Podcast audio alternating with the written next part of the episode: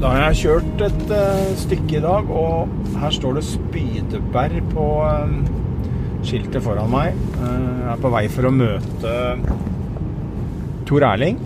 og det er jo tragiske omstendigheter som bringer oss til Spydeberg. Tor Erling bor jo ikke så langt unna i et lokalsamfunn som er hardt ramma av, av den helt grusomme hendelsen som skjedde i helga. Nå ringer Tor Erling her òg. Da får vi høre hva han vil. Hei, Tor Erling. Hei, hvor er du nå? Du, eh, nå står det Spydeberg her. Eh, svinger inn ja. på Ekstra hvis det var der du var. Så ser jeg den foran ja. meg. Skal vi møte bilen, skal vi møtes inn på kafeen her? Nei, jeg må, jeg må ha meg en kaffekopp.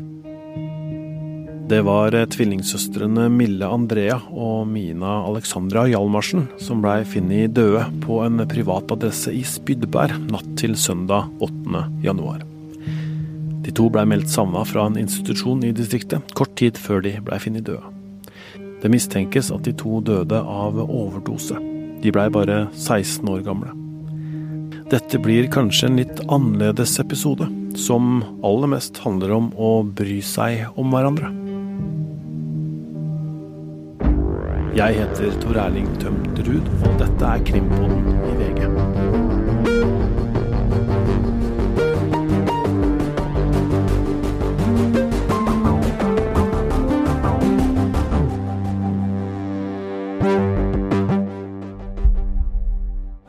Hei, Øystein. Der var du. Velkommen til uh, bygda, må jeg vel si. Selv om det er litt eh, tragiske omstendigheter.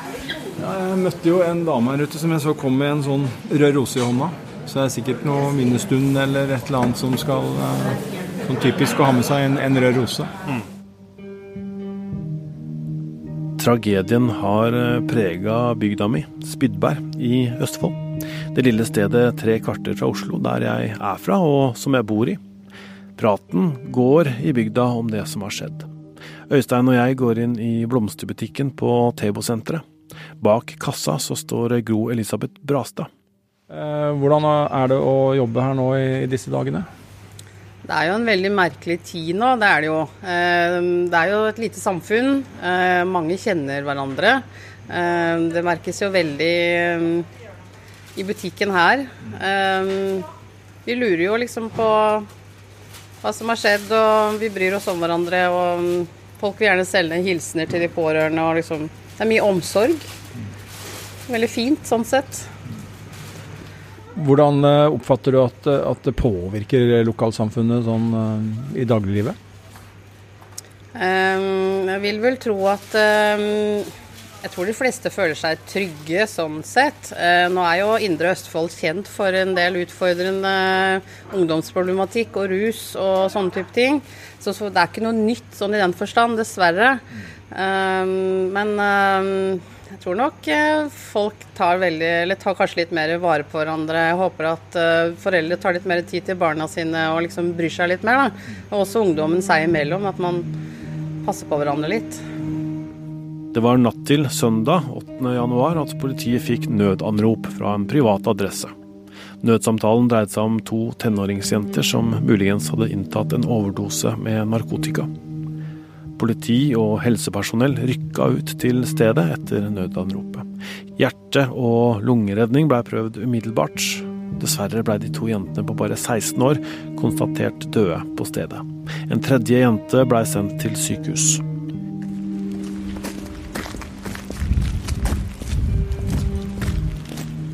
Da kjører vi opp til det stedet hvor de jentene blei funnet. Det er ikke så langt unna her, men i og med at vi skal til politiet etterpå, så tar vi en bil. Da står jeg parkert der, og du der. Hvilken bil tar vi? Du, jeg tror vi, tror vi, tar miljøvennlig bil, ja. Kjører, eh, kjører elbil og ikke dieseldrog. OK, da kjører vi den eh, bilen din, da. Spydberg er jo en eh, liten bygd med ja, ca. 6000 innbyggere. Eh, og blei jo da slått sammen eh, med flere kommuner og blei Indre Østfold kommune for noen år siden. Eh, så her vokste jeg opp, da. Det var jo her jeg gikk på skole og, ja. og hang egentlig nede på det senteret her som du har vært på nå. Ja.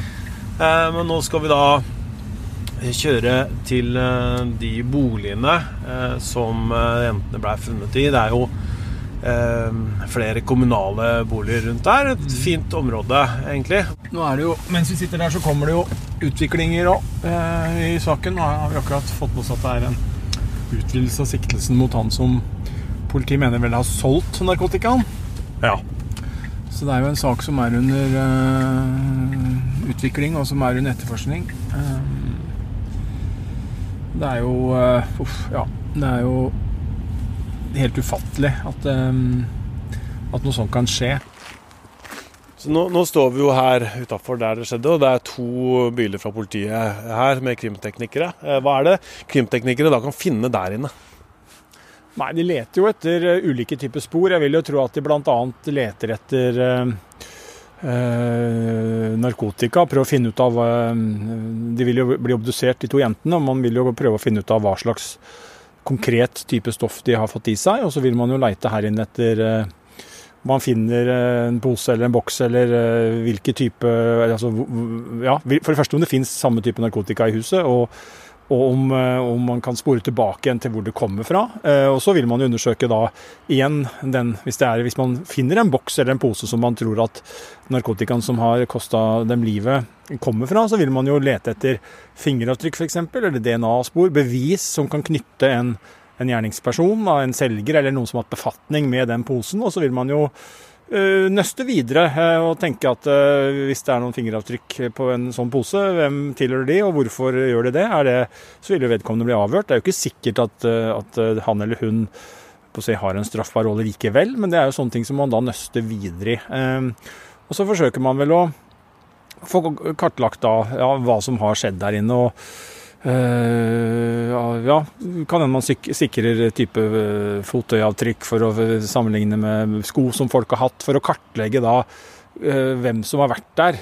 Fordi at Man har jo vitneforklaringer, og man har forklaringen til de som er sikta i saken, men man kan jo ikke være garantert at det er den riktige versjonen. og Derfor så prøver man alltid sånn krimteknisk å finne en si, ting som enten understøtter vitneforklaringene, og da man kan legge til grunn at, det, at de er riktige, eller at vice versa at man finner ting som taler imot hva vitner og siktede har forklart seg om, og som da kaller på nye spørsmål og som gjør at man nøster seg videre. Altså, grunnleggende sett handler jo alt om å finne ut av hvem var der, hva skjedde, hvem har eh, hatt med seg hva, eh, og hvordan har dette skjedd. Eh, og da er det jo da den tekniske biten som vi står utafor og ser på nå, hvor folk som eh, mange har sett med hvite dresser og munnbind og sånn, går inn og leter etter det man kan kalle de tause sporene inni på et åsted.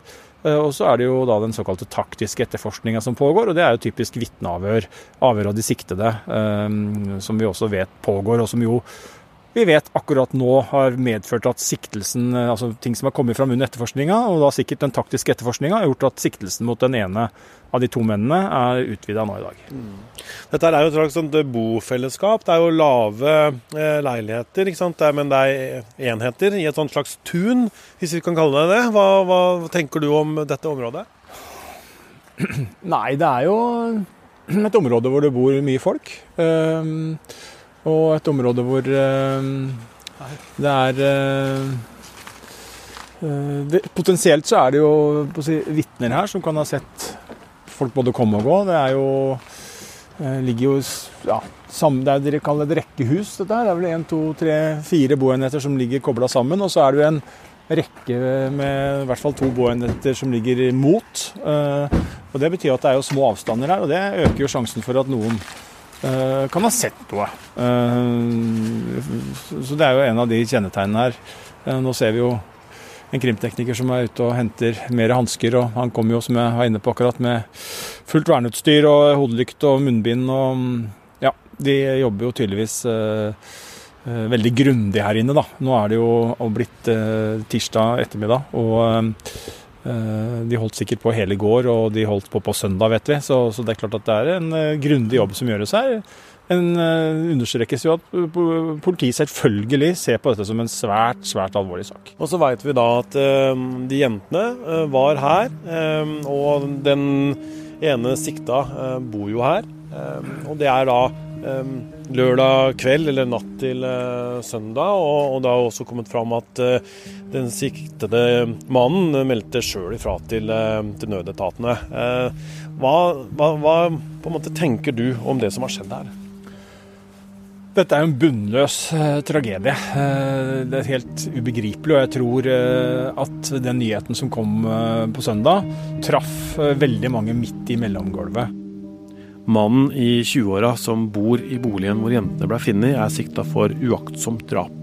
Mens en annen 18 år gammel mann er sikta for å ha solgt narkotika til jentene. 18-åringen er også sikta for å ha hensatt jentene i hjelpeløs tilstand. Begge to nekter straffskyld. Jeg var på plass i fengslingsmøtet til mannen i 20-åra mandag denne uka. Det foregikk i Follo og Nordre Østfold tingrett i Ski, der eh, politiet ville varetektsfengsle mannen, og måtte da få rettens godkjennelse til det. Dommeren bestemte at rettsmøtet skulle foregå for lukkede dører, fordi etterforskninga var i en så tidlig fase, og han mente at det var uheldig at ting kom ut så tidlig. Vi journalister blei dermed kasta på gangen, og der møtte vi forsvareren til den sikta mannen. Han heter Knut Ditlev Simonsen. Ja. Jeg kan bare starte da. Hva er grunnen til at din klient motsetter seg fengsling? Nei, Han eh, mener jo at han ikke har gjort noe galt. Det er grunnen til det. Hva kan du si om det som kom frem i fengslingsmøtet her nå, da? Jeg kan jo ikke si noen ting, i og med at det er uh, lukte dører og ikke åpent for, uh, for dere. Så jeg har ikke, kan ikke si noe mer enn det. Han har vært tydelig preget i, i, retten, din klient. Hvordan opplever han å være i denne situasjonen? Som dere sikkert så, han er veldig preget, veldig lei seg, uh, satt ut, og syns dette er en stor, stor påkjenning. Hva kan du si om, eh, altså hva tenker du om grunnlaget for å sikte ham for uaktsomt eh, drap? Jeg tenker at det ikke er grunnlag for det. Hvorfor ikke? Det kan jeg ikke gå inn på. Kan du si noe om hva påtalemyndigheten la til grunn for hvorfor de mener det er grunnlag for å varetektsfengsle ham? Nei. Hva har din klient eh, sagt i avhør til politiet, og hvordan samarbeider han med politiet? Han har eh, samarbeidet eh, godt med politiet, og vi satt i et langt avhør i går ettermiddag og kveld, hvor han har forklart seg så godt, så godt han klarer. Husker, husker, han mye av det som skjedde? Har han forklart seg om hendelsesforløpet sånn som han husker det? Han har forklart seg. Jeg kan ikke gå nærmere inn på forklaringen hans. Hva syns han om å møte opp her i dag, da? Det syns han jo ikke noe særlig om. Eh, han skulle gjerne vært det foruten. Men eh, han eh, erkjenner ikke straffskyld, og han ønsket å begjære seg løslatt. Og det har han nå fått anledning til å gjøre. Når han har begjært seg løslatt, vil det si at dersom påtalemyndigheten får medhold, kommer dere da til å anke den kjennelsen? Det skal jeg ta en prat med han om når, den, når vi får gått gjennom kjennelsen. Hva kommer du og din klient til å foreta dere videre nå, da? Kjennelsen er avsagt. Han har tatt betenkningstid på den. Og så skal vi ta en prat eh, nærmere om eh, veien videre. Altså, kjennelsen er allerede avsagt? Kjennelsen er avsagt, ja. Hva kan du si om det? Han, fikk, han ble fengsla, og det er det jeg ønsker å si om det. Hvor lenge? Fire uker. Du møtte han jo så vidt før rettsmøtet starta. Hva sa han da? Han sa ikke noe nytt, uh, noe mer enn det han har sagt uh, både i går og i, og i, dag. Vi har hatt et langt uh, klientforhold og snakket litt om løst og fast. Og jeg forberedte ham på at dere, dere, var her, så han skulle være klar over det når han kom ut. Hva tenkte han om at vi var der, da? Ja, han er jo overrasket og, og lei seg og, og prega hele situasjonen. Og han syns jo det, det blir jo mye med, med media på toppen av det. Men eh, han eh, uttrykte selv i retten at han mente at dere kunne vært til stede under rettsmøtet. Mm.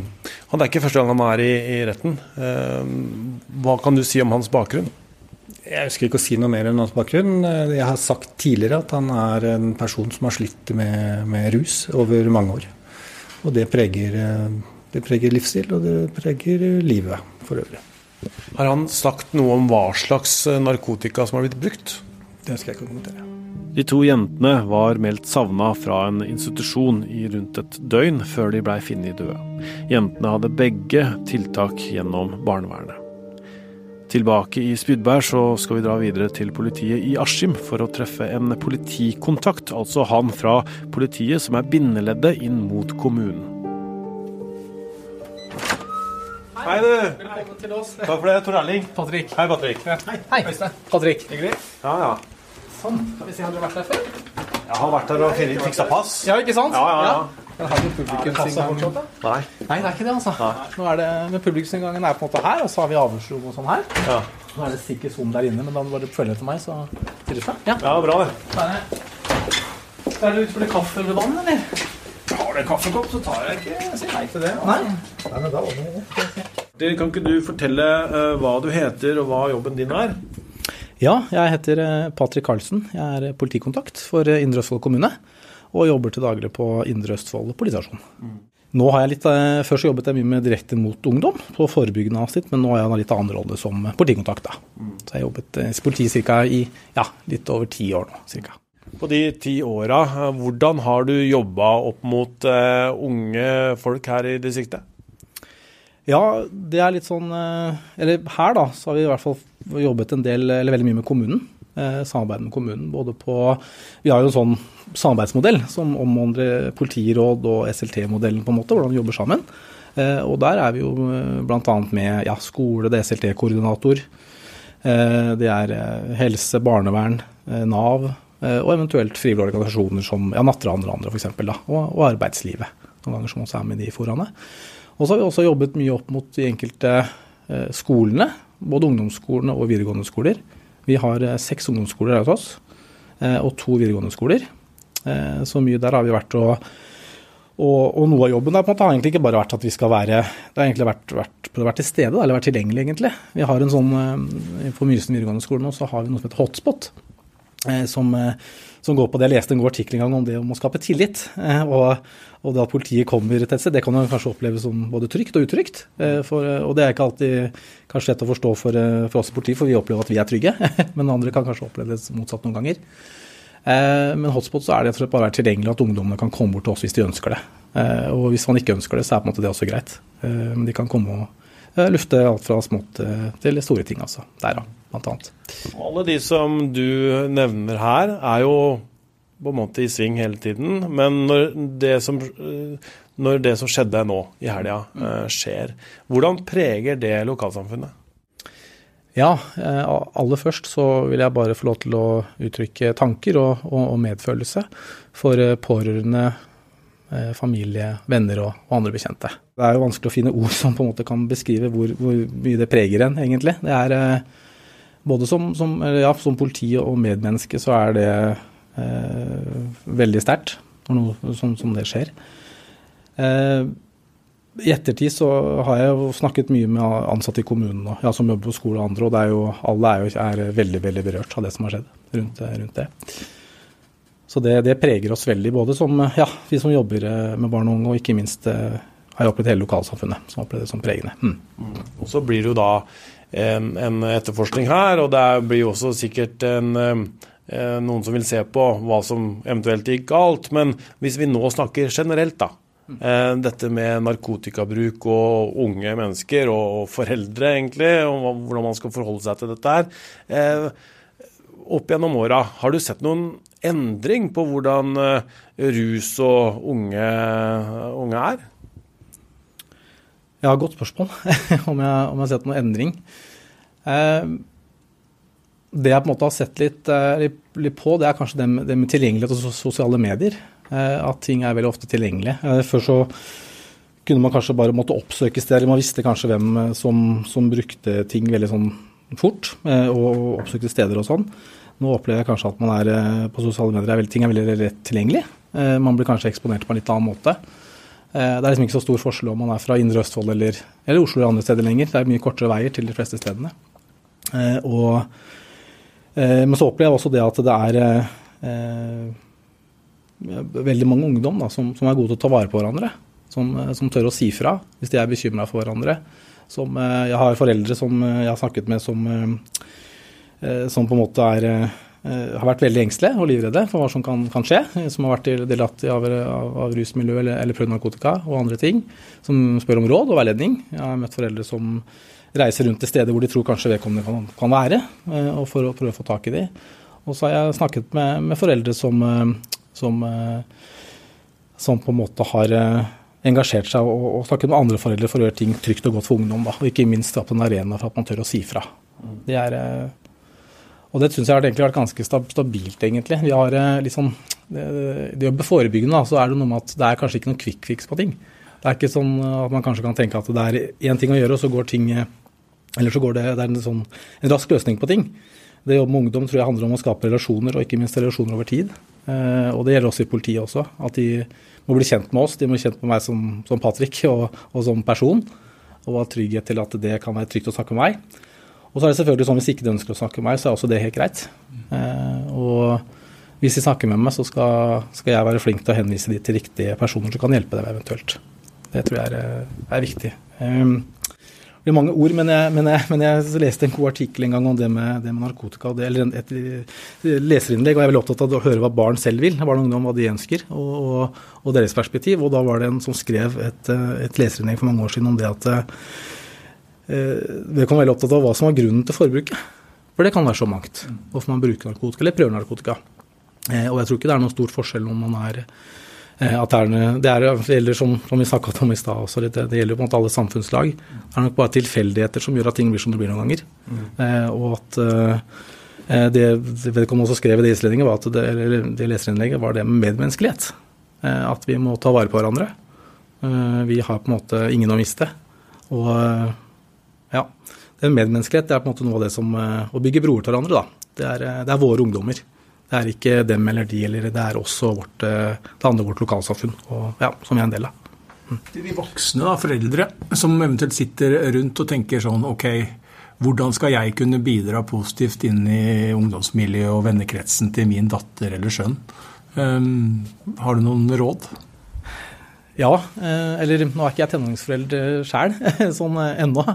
Men, men, det som jeg selv har erfart, da, det er på en måte de Eh, foreldre som har fortalt meg at har lykkes med å skape en trygghet, rett og slett. Med at ungdommen har turt å sagt ifra hvis de har hatt utfordringer. Og, og, lagt et miljø for det. Og alltid vært, hatt et åpent hjem. At man alltid kan komme hjem. Uansett hva som har skjedd. Uansett hva man har gjort eller hva man har prøvd eller ikke, så har dere alltid vært åpen hjemme. Men jeg vil også anbefale på en måte det at man, at man tør å prate om det, rett og slett. At man ikke tenker at det kan skje alle andre. Det er på en måte ja, det at det kan faktisk skje, skje en selv, og at det er eh, at man må, at man må prate om det, rett og slett. da. Og, og søke råd eventuelt hos andre foreldre hvis det, man ikke vet hva man skal gjøre. Eh. Viktig å kjenne å si, prøve å kjenne vennene til ungdommene sine, og også foreldrene til disse vennene. Da. At man har en som du sier, en relasjon. Og at man ja, prøver å er det, er det, et verktøy som man kan ta med seg? Ja, absolutt. Så jeg er helt enig med deg. Jeg tenker det å kjenne, kjenne, sine, eller kjenne barna sine venner, og ikke minst foreldrene, og på en måte in inkludere hverandre. da. Skape et inkluderende samfunn og, og, og, stå trygghet og ja.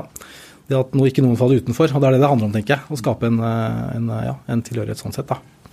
Hvis, så, hvis, så hvis, en, hvis en datter eller en sønn da, kommer hjem og har fått nye bekjentskaper, nye venner, sånn plutselig så du har hørt om de vanlige, og så plutselig kommer det noen nye inn.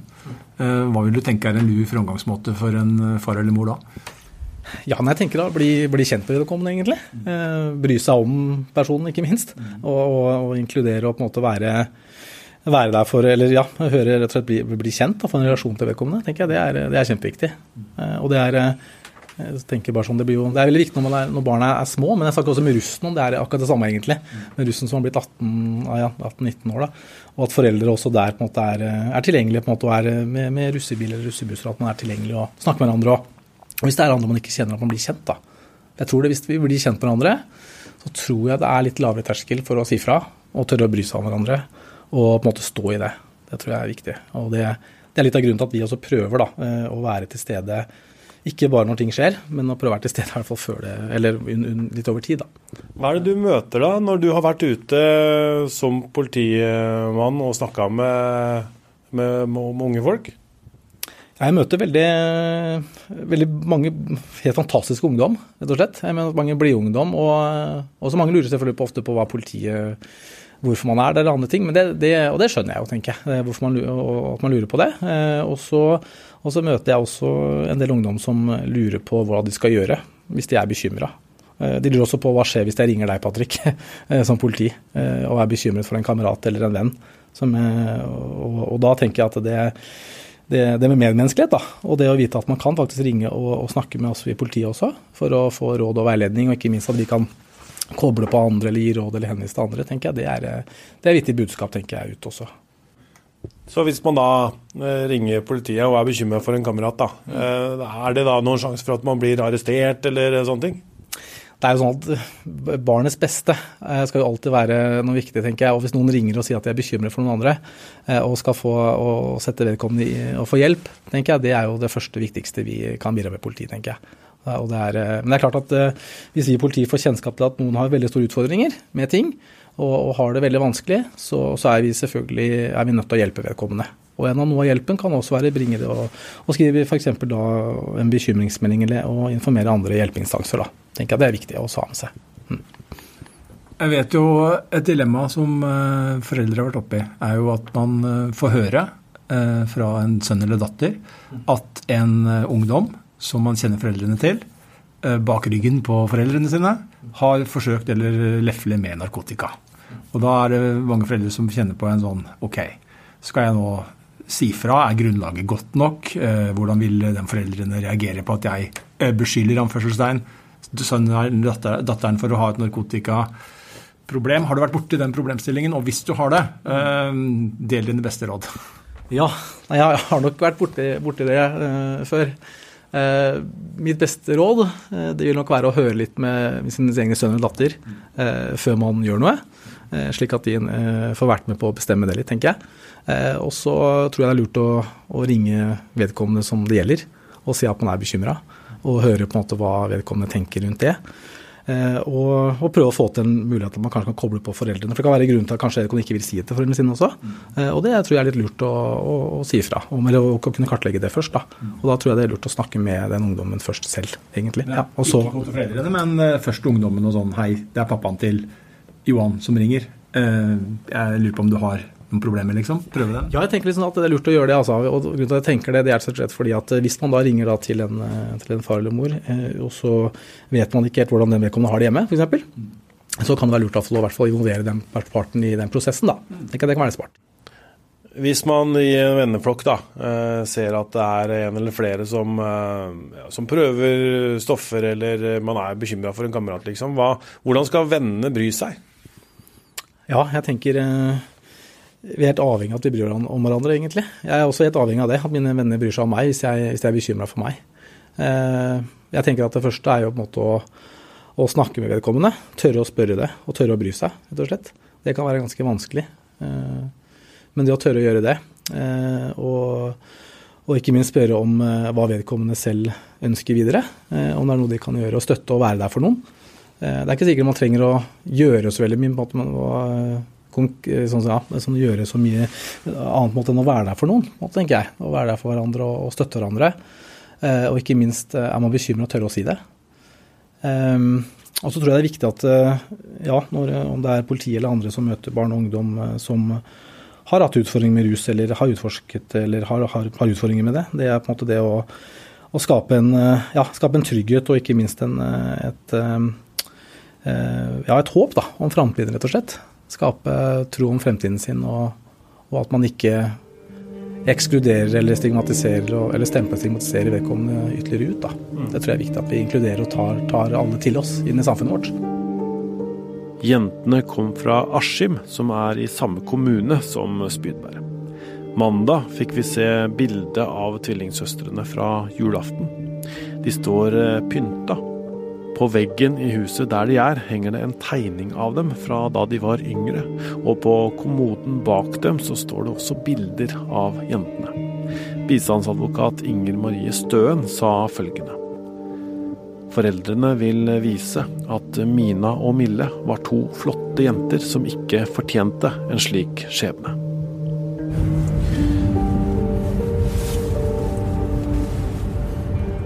Da kjører vi tilbake til, eh, til eh, Spydbar, da. Så skal du få komme deg hjem, Stein. Men uh, hva, er som, hva, er det som, skjer i denne saken her framover? Ja, nå er det jo, Mens vi sitter her, så pågår vel et fengslingsmøte da mot uh, han som er uh, det vi kan kalle sikta nummer to. og så kommer det en kjennelse, en avgjørelse på det. Nå vet vi at den første er jo varetektsfengsla i fire uker. Det skjedde, skjedde i begynnelsen av, eller i går, da. Um, og så vil jo de får muligheten til å avhøre, la seg avhøre, altså forklare seg for politiet. Um, så vil politiet avhøre vitner. De vil etter hvert avhøre den jenta som ligger på sykehus, som vel fortsatt ikke har så vidt vi vet, i hvert fall, vært inne til avhør. Um, og så er det jo da de vi var og så på jobba i stad, nemlig krimteknikerne. De vil jo ta med seg funnene sine, sporene de har hatt, eh, samla inn, eh, tilbake igjen. og gjennomgå, analysere og skrive rapporter. Og det vil også bli skrevet da rapporter på den taktiske etterforskninga, avhørsprotokoller. Så vil jo etter hvert etterforskningen bli ferdigstilt, og da sendes jo det med en innstilling til eh, eh, jeg tenker på om, Her blir det vel statsadvokat som blir eh, riktig nivå. Som da avgjør om en eller flere skal tiltales. Og hvis det skjer, så blir det jo en rettssak. Og man da Ja, en vanlig rettssak. Og så kommer det jo da en dom etter hvert. Så det, men dette vil jo ta litt tid. Nå er vi i starten av året. Jeg tipper jo ja, kanskje man kan kanskje, kanskje kan en sånn sak komme for retten til høsten. Uh, men det vil jo tida vise. Mm. Men så er det et annet spor her, og det er jo uh, selvfølgelig om noe har svikta. Om det er sånn at vi har hørt, eller vi vet, at barnevernet var inne her, og vi vet at man da har hatt noen utfordringer som har gjort at det kommunale hjelpeapparatet har vært inne. og det er klart, der vil jeg jo tro at man eh, vil gjøre undersøkelser, om det er en granskning eller hva det vil måtte kalle det. Det får man jo se, men jeg regner med at man vil evaluere og gå gjennom og se om det har vært noen svikt da, som eh, systemsvikt, eh, som leda fram til, eller har hatt en innvirkning på det som skjedde natt til søndag. Denne episoden er laga av produsent Vilde Våren, Øystein Milli og meg, Tor Erling Tømt Ruud. Ronny Furuvik har laga musikken. Nyhetssjef er Emilie Halltorp. Ønsker du å prate med noen om ting du syns er vanskelig, så har vi jo hørt at det er greit å finne noen du stoler på, og være åpen. Men du kan også ringe f.eks. til Mental Helse på nummeret 116 123 Mental Helse har også en chattetjeneste hvor du kan skrive det du tenker på.